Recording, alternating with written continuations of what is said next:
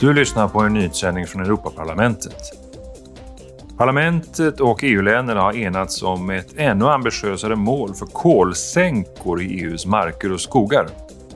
Med det ska mängden växthusgaser som avlägsnas från atmosfären öka med 15 procent jämfört med idag.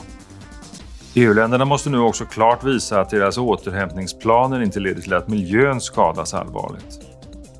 Det införs också straff för medlemsländer som inte uppfyller de här kraven. Idag kommer handelsutskottet att diskutera förslaget om tillbörlig aktsamhet för företag i fråga om hållbarhet. Direktivet kommer från EU-kommissionen och meningen är att få företagen att driva sin verksamhet på ett hållbart och ansvarsfullt sätt. Förslaget ska också förankra mänskliga rättigheter och miljöhänsyn i företagens verksamhet och ledning. Europarådet, som inte är någon EU-institution, har skickat en delegation unga till Europaparlamentet för att diskutera ungdomspolitiken med ledamöter från parlamentets kultur och utbildningsutskott. Idag ska delegaterna berätta om Europarådets arbete och dess plats i de olika europeiska styrelseformerna. De tar särskilt upp ungdomarnas syn på de mest angelägna frågorna som vår kontinent står inför idag.